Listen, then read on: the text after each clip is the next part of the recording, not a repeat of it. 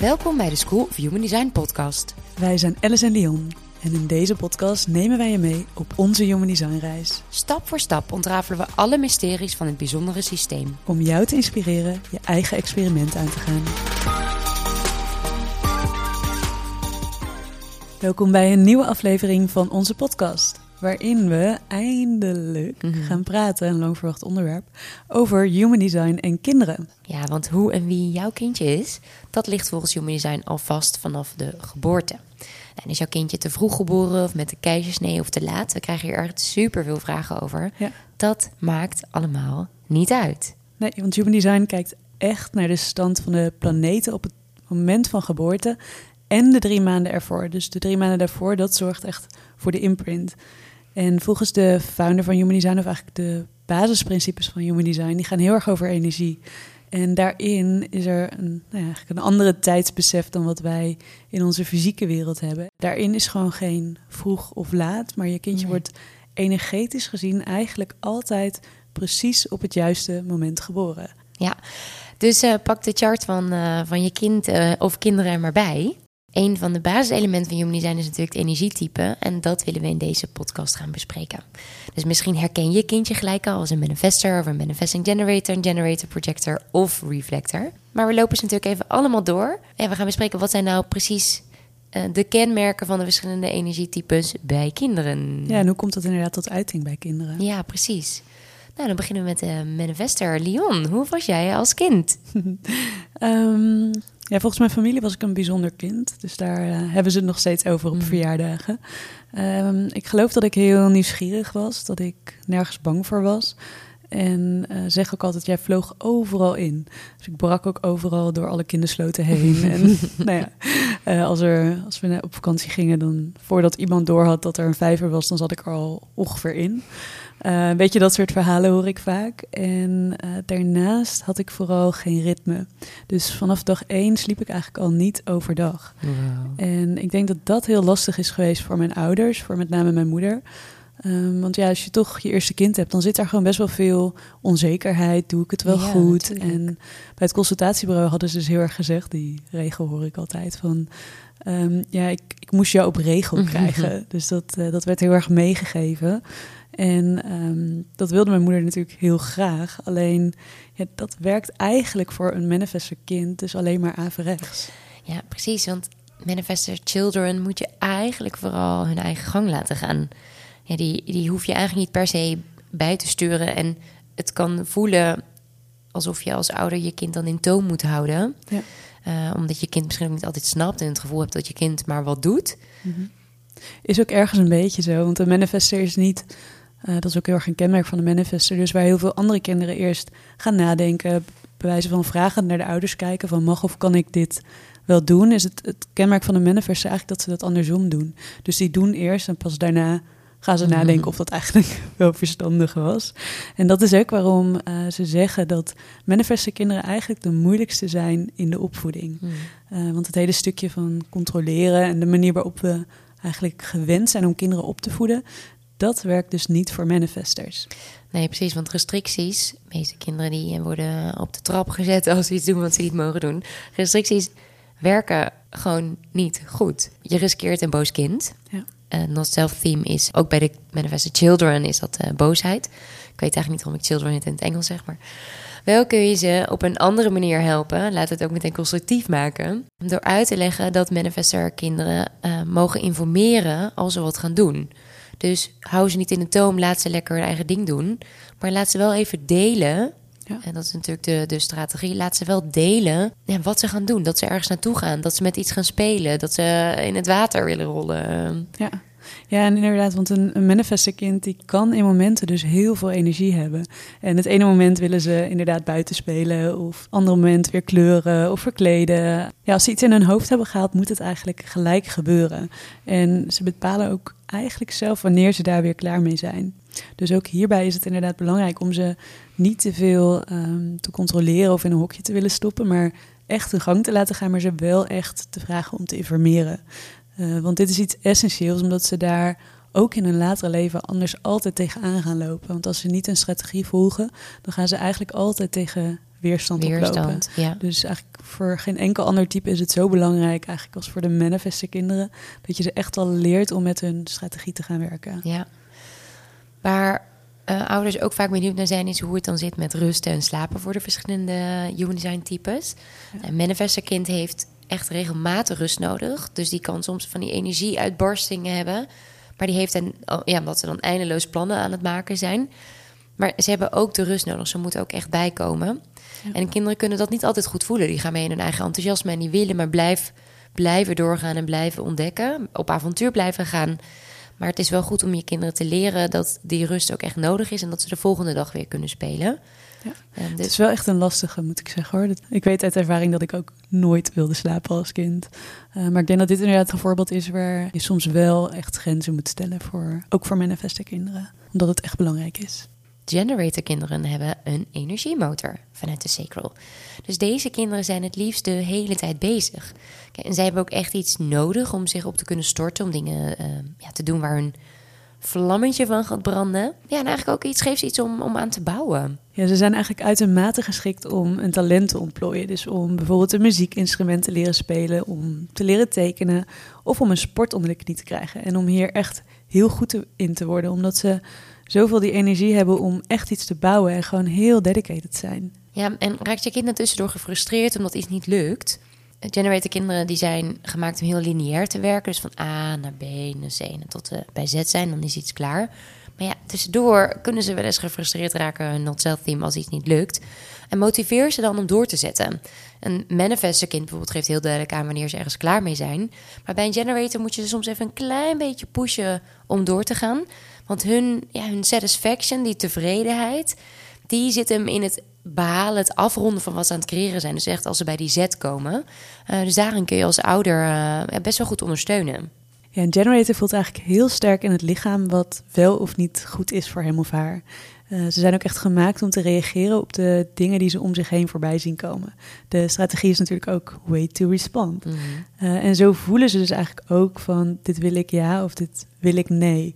Eh, en als ouder kun je je kind daar heel erg in ondersteunen door dus niet te veel open vragen te stellen. Dus niet wat wil je zo meteen eten, maar wil je dit eten? En het kind echt de ruimte geven om met die ja- en nee-vragen te laten zien wat het wil. En eh, eigenlijk hoeven ze dat dan niet eens meer uit te spreken. Vaak zie je al aan de houding of ze dat wel of niet willen.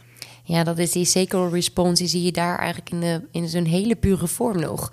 Aan of ze opspringen of niet, of blijven zitten. Ehm, of ze een beetje mm, reageren of met... ah. Ja. Ehm, ja, het is een hele pure vorm van reageren is dat eh, bij kinderen nog. Ja, mooi. Generator kinderen die slapen pas wanneer ze uitgeput zijn. Ze hebben zo'n eh, zo'n motor, zo'n dieselmotor, die komt langzaam op gang 's ochtends. Ja. Dat zul je misschien in de ochtend merken.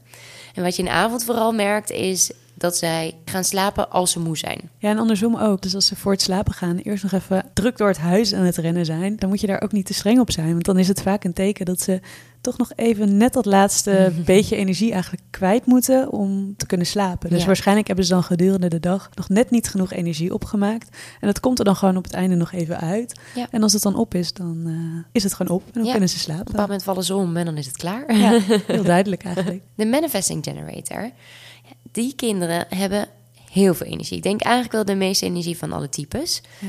Zij willen vaak van alles, op alle sporten en schilderen en spelen en de muziekinstrumenten en verkleden en nou ja, Gewoon alles. Alles wat je kunt opnoemen. Ja. wat ze vaak als kind alleen niet zo goed kunnen, is met een zeker voelen of ze iets echt willen. Kijk, ze worden van heel veel dingen enthousiast, Ja. maar hebben ze ook echt energie voor alles? Want de manifestor kant van de manifesting generator, die staat constant in de startblokken om te gaan. Die heeft de hele tijd van die uurtjes en die wil van alles. Maar de generator kant, ja, die wil eerst even rustig inchecken bij de onderbuik om te kijken, oké, maar wil ik dit echt nu? Leuk dat ik al die verschillende interesses heb, maar kan mijn lichaam dit eigenlijk wel aan op dit moment? Ja, en dat is ook precies waarin je kind dus heel erg kunt ondersteunen en wat je ze heel erg kunt leren. Dus moedig vooral hun enthousiasme aan. Laat ze gaan, maar probeer ook af en toe soms even wat, wat realistisch eigenlijk met ze te onderzoeken van... word je hier nou echt blij van of is het echt wat je wilt?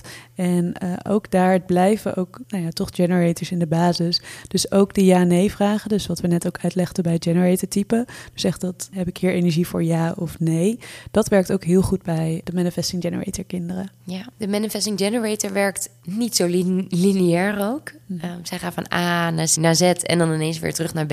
Ze werken vanuit het enthousiasme zo, omdat ze, zij vinden al die details, al die tussenstappen niet altijd zo belangrijk. Ze zijn veel meer met het resultaat bezig. Ze willen leuke dingen doen, iets moois neerzetten. Uh, maar dat dat niet zo lineair gaat, dat vinden zij uh, minder belangrijk. Goed snappen snel thuis eigenlijk. Ja, precies. Dus maar wat je dan in de praktijk kan zien is dat ze nou, bijvoorbeeld bij opa en oma gaan logeren, maar hun pyjama vergeten mee te nemen. Of op school dat ze wat slordig zijn met taal of met rekenen. Um, en wat, je, wat als ouder heel goed is om te beseffen is, zijn ze in het algemeen goed ontwikkeld, kunnen ze alles bij. Uh, dan is er eigenlijk niks aan de hand. Dan is het niet erg dat ze wat steekjes laten vallen, dat ze wat slordiger zijn. Want dat is gewoon ja, die manifesting energy die in hun zit. Die willen gewoon wat sneller door. Ja, en daardoor zien ze gewoon de details soms een beetje over het hoofd. Ja. En bij slaap is het een beetje hetzelfde als de generator. Dus ook een manifesting generator slaapt wanneer het eraan toe is. Dus wanneer de motor op is. Alleen de motor werkt iets anders. Dus waar de generator echt die dieselmotor heeft, die eigenlijk best wel steady energie heeft gedurende de dag en dan eigenlijk in één keer klaar is, um, bouwt die manifesting generator wat langzamer af. Dus de energie raakt als het ware langzaam op. Het kan zijn dat er nog even een kort sprintje komt uh, en dat hij nog een beetje, een beetje naschokt mhm. eigenlijk voordat hij tot stilstand komt. Dus voor een manifesting generator kind is het eigenlijk heel fijn om bijvoorbeeld in bed nog even te gaan lezen of nog even iets te gaan doen en dan te gaan slapen op het moment dat ze daar dan echt klaar voor zijn. Ja, precies. Dan hebben we de projector-kinderen. Kijk, en waar de manifester en de manifesting generator en de generator wat meer op zichzelf gefocust zijn, zijn projectors vooral gefocust op de ander. En dat zie je dus ook al terug bij de kinderen. Projectorkinderen zijn heel erg wijs. Ze begrijpen sneller, ze zien veel meer details, ze willen alles snappen. Dus het zijn vaak de kinderen die je ziet observeren Um, en die soms ook heel veel vragen stellen, die heel veel uitleg willen hebben. Ja, een, projectorkind heeft eigenlijk soms iets meer aandacht nodig dan wat je ze eigenlijk van nature zou geven.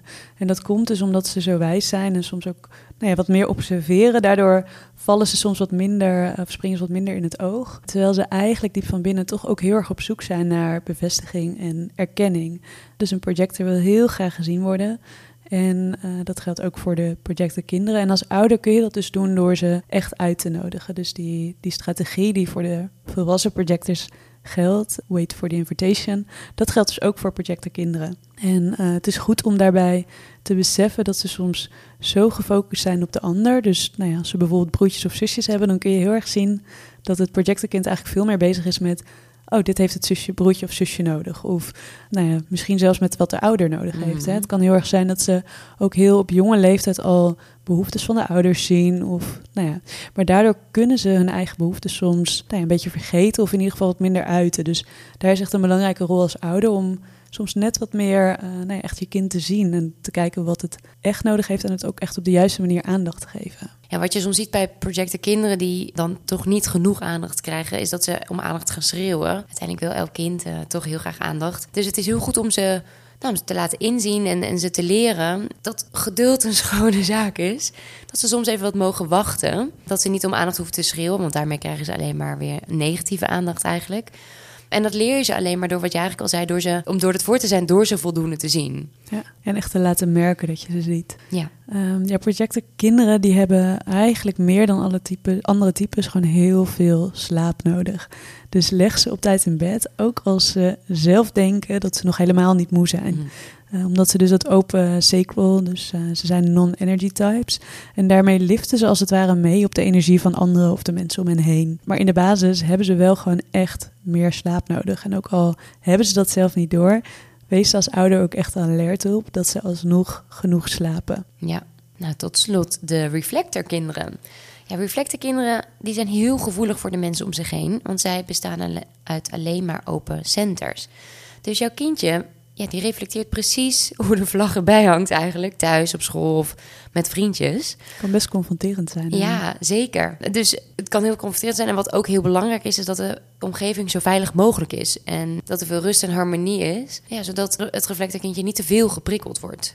Daarbij is het goed om het kind te leren dat het soms emoties van anderen overneemt. Want het is zo open. Het kan emoties van zich meedragen die helemaal niet van hem of haar zijn, omdat het kindje dus zo gevoelig is. Dus op het moment dat je ziet dat het reflectorkind veel verschillende emoties toont, probeer dan echt even met hem of haar te zitten en te onderzoeken: is er met hem of haar iets gebeurd? Zijn het zijn of haar eigen emoties? Of heeft hij of zij die dag iets opgepikt wat hij eigenlijk gelijk weer mag loslaten? Ja, want inderdaad, reflectorkinderen zijn eigenlijk zo anders dan al die andere kinderen. Ze zijn heel bijzonder, maar daardoor nou ja, soms ook wat lastiger voor de reflector zelf om daarmee om te gaan. En dus passen ze zich ook best wel snel aan. Nou ja, elk kind wil natuurlijk niet anders zijn dan en erbij horen.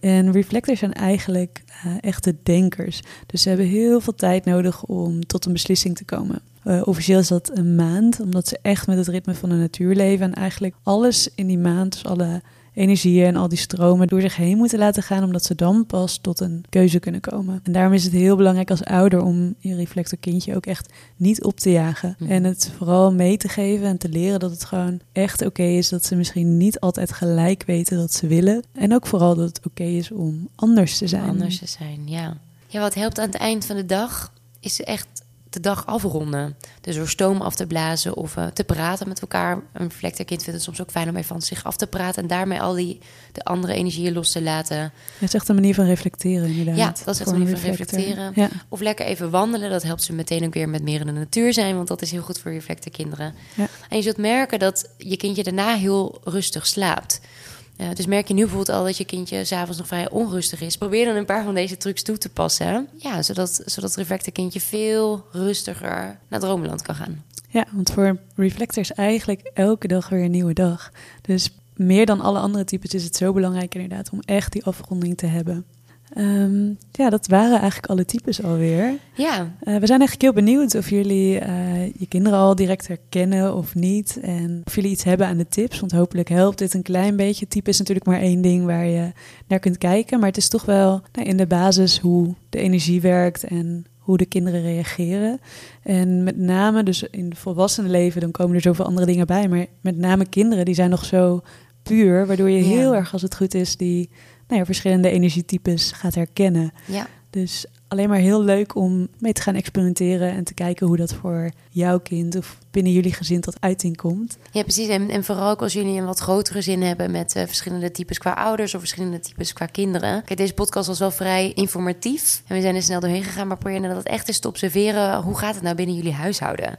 Hoe kun je dat wat wij nu hebben verteld vertalen naar wat er bij jullie binnen het huis speelt? Maar ook bijvoorbeeld wat er op school gebeurt. Hoe goed uh, of makkelijk leert een kind? Hoe goed of valt een kindje uh, in de groep? Hoe speelt het met vriendjes en vriendinnetjes? Hoe gaat het om met autoriteit? Met wel of geen hebben? Met nou ja, een schooldag qua aantal uren. Ja. Er zijn zoveel dingen die je met deze informatie denk ik kunt, uh, kunt observeren. En een beetje kunt bijsturen waar mogelijk. Of waar nodig. Ja, en het kan misschien ook een bepaalde zorg wegnemen. Dus als je merkt dat, dat een kind toch heel veel of verschillende dingen doet. Of dingen nou ja, niet in dat, dat schoolritme helemaal past. Of er nou ja, mhm. toch net op een andere manier met dingen omgaat. Dan kan ik me voorstellen dat je toch als ouder in het begin denkt van... oh, maar uh, waarom is mijn kind anders? Of, en het kan denk ik heel erg een stukje rust geven... als je nou ja, op basis van het design eigenlijk ziet van... oh, maar dit is, hoort bij mijn kind en ja. dat is oké. Ja, en dat is oké. Ja. Veel succes met uh, het uh, Human Design en Kinderen experiment. Ja. Wij gaan weer nadenken over onze volgende podcastaflevering. Heel leuk dat je luisterde en uh, tot de volgende keer. Tot de volgende keer. Doeg! Doei!